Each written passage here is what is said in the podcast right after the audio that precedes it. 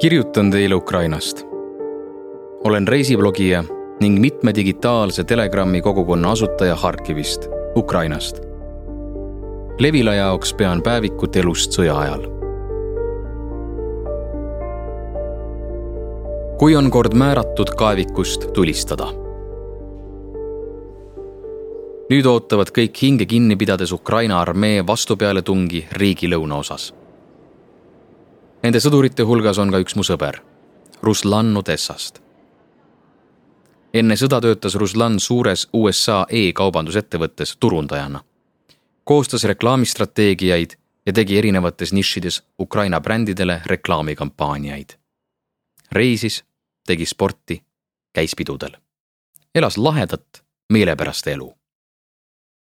sõja võttis Ruslan vastu Odessas ööl vastu kahekümne neljandat veebruari ta ei maganud, sest oli oma unegraafiku käest lasknud. hommikuks oli tal plaanitud intervjuu ühe IT-firmaga. kusagil poole viie paiku hommikul kuulis lennukimüra. vaatas Flight radarist järele, see oli Türgi transpordilennuk. ja umbes kell viis kärgatasid üle kogu linna plahvatused Ruslan oli endalegi teadmata põhjusel pannud päev enne sõja puhkemist kokku niinimetatud kriisikoti. teinud oma dokumentidest koopiad, pakkinud kõik andmed kõvakettale ja saatnud pilve. sisetunde sunnil ju mõjus niiviisi olukorra üldine pingestumine. hommikul võttis ta ühendust omaste ja lähedastega, küsis, kas neil on kõik hästi ja mida nad kavatsevad teha. seejärel oli Ruslanil plaan toidupoodi minna ta elas üksi ega teinud pea kunagi ise süüa, isegi külmik oli tal enamasti välja lülitatud. ladunud piima ja helbet korvi, sai ta ligi nelikümmend minutit kassasabas seista. inimesed haarasid riiulitelt kõike, mis seal oli. kõige minevamad kaubad olid WC-paber ja tatar. sealsamas poes võttis ta sõpradega ühendust. üheskoos otsustati sõita Mõkõlajevisse sõja alguses juhtus seda sageli, et polnud jaksu järjekorras seista. Seega jättis ta kõik ostud sinnapaika ja tormas asju pakkima. aga veel kippusid paljud midagi kentsakat kaasa haarama. Ruslan pakkis evakuatsiooniks mõeldud seljakotti uued, kevadeks ostetud riided ja robottolmuimeja. vaat selline imelik komplekt.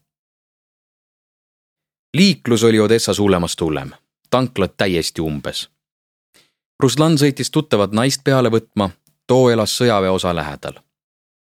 Kuuldes läheduses õhutõrjetööd, võtsid nad kiiresti suuna Mõkolajevile. teel nägid palju sõjatehnikat, ent kõik see tuli Mõkolajevist, mitte ei sõitnud sinna. Ruslan ja tema sõbratar üksnes naersid seepeale, et ju siis keegi teab midagi. Mõkolajevis peatus ta õe pool. õde pakkis paaniliselt kohvreid, et Poola minna Ruslan otsustas linna jääda. kas või sellepärast, et seal linnas oli tal hiljuti haiglast välja saanud ema. Ruslani meelest oli veider midagi paanikas otsustada ja kuhugi tormata. kuid sõjaga on selline asi, et sa ei tea, mida oleks õigem teha. kas lahkuda või jääda. õige on nii, nagu sina otsustad. ja kui hiljem tekivad probleemid, siis lahendad neid sellistel hetkedel mõistad, et sõjas ei ole õigeid ega valesid vastuseid. on ainult valik, mille teed sina ise. Ehkki Ruslan ei ole muidu paanitseja, tabas ta tol esimesel ööl ennast vihaga mõtlemast, et asjad ei edene sugugi nii, nagu tema oli oma peas valmis mõelnud. rohkem ei ole tal selliseid vihahooge olnud. kuu aega magas Ruslan koridoris kandvate seinte vahel, kuni Odessasse tagasi sõitis. esimesed päevad Mõkolajevis olid väga kaootilised. päeval oli Ruslan abiks toidupoes, hankis sugulastele ja tuttavatele ravimeid. Vahel tuli nelikümmend minutit leivasabas seista ning muidugi komandanditund ja linna täielik pimendamine. kõik lülitatakse välja. igal ristmikul on rehvikuhilad ja Molotovi kokteilid. inimesi ja autosid praktiliselt pole, ainult politsei ja tehnika esimestel päevadel käis Ruslan ka linna peal oma kriisikotiga. sõja algusfaasis tegi Ruslan koos loovvägedega Venemaale sihitud reklaame, püüdes sel moel sealsete inimeste teadvuseni jõuda ja neile tõde näidata. praegu arvab ta, et nad olid väga naiivsed. samuti leidis ta endale rakendust humanitaarstaabis ja töötas seal. tuli ju ennast tegevuses hoida. pealegi tahtis igaüks tol hetkel kasulik olla. iga päev oli linnas plahvatusi kuulda.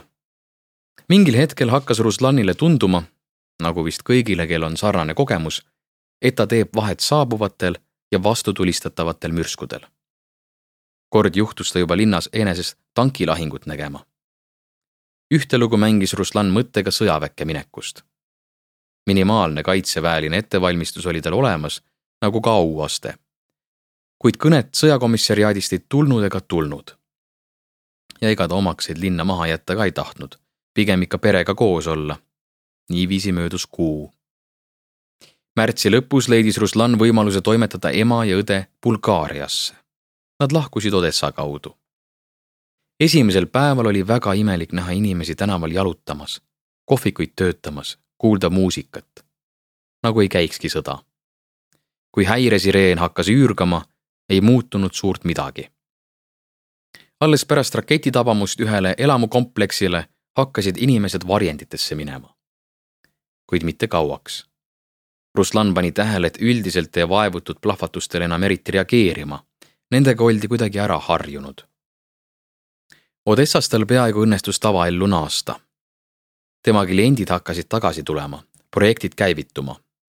kuid ühtelugu tabas ta end mõttelt, et ei tee piisavalt, et ta võiks rohkem kasu tuua.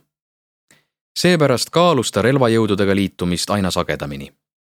Ta isegi ootas, et kohe talle helistatakse või tuuakse kutse aga ei. ta pidi selle sammu ikka ise ette võtma. viimaseks piisaks oli Ruslani jaoks kahekümne seitsmendal juunil Krementšuki kaubanduskeskust tabanud raketilöök. siis jõudis Ruslan lõplikult tõdemusele, et me ei sõdi mitte armee, vaid terroristidega. samal päeval läks ta sõjakomissariaati. Ta teadis, et lennuväes on tema kaitseväelisel erialal kõik kohad hõivatud seetõttu oli ta valmis minema ka jalaväkke ja sõitma paarinädalase ümberõppe järel eesliinile sõdima. sõjakomissariaadis öeldi Ruslanile, et tema oskused kuluvad marjaks ära ühes teises väeliigis. ka seal tuleb tal eesliinil käia, kuid suurema osa ajast saab Ruslan teha eritööd. arusaadavalt ei saa ta avaldada, mis väeosa ja mis töö see on. Tööd tuleb iga päevaga juurde ja see meeldib Ruslanile sest ta tunneb ennast kasulikuna. ehkki mõtleb ühtelugu, miks ta juba rindel pole. ta isegi uuris oma ülemalt üleviimise võimalusi, kuid see olla praegu väga keeruline. ja minu meelest ütles Ruslani ülem talle väga õigesti. kui on kord määratud kaevikus tulistada, siis leiab sõda su üles. ära rutta.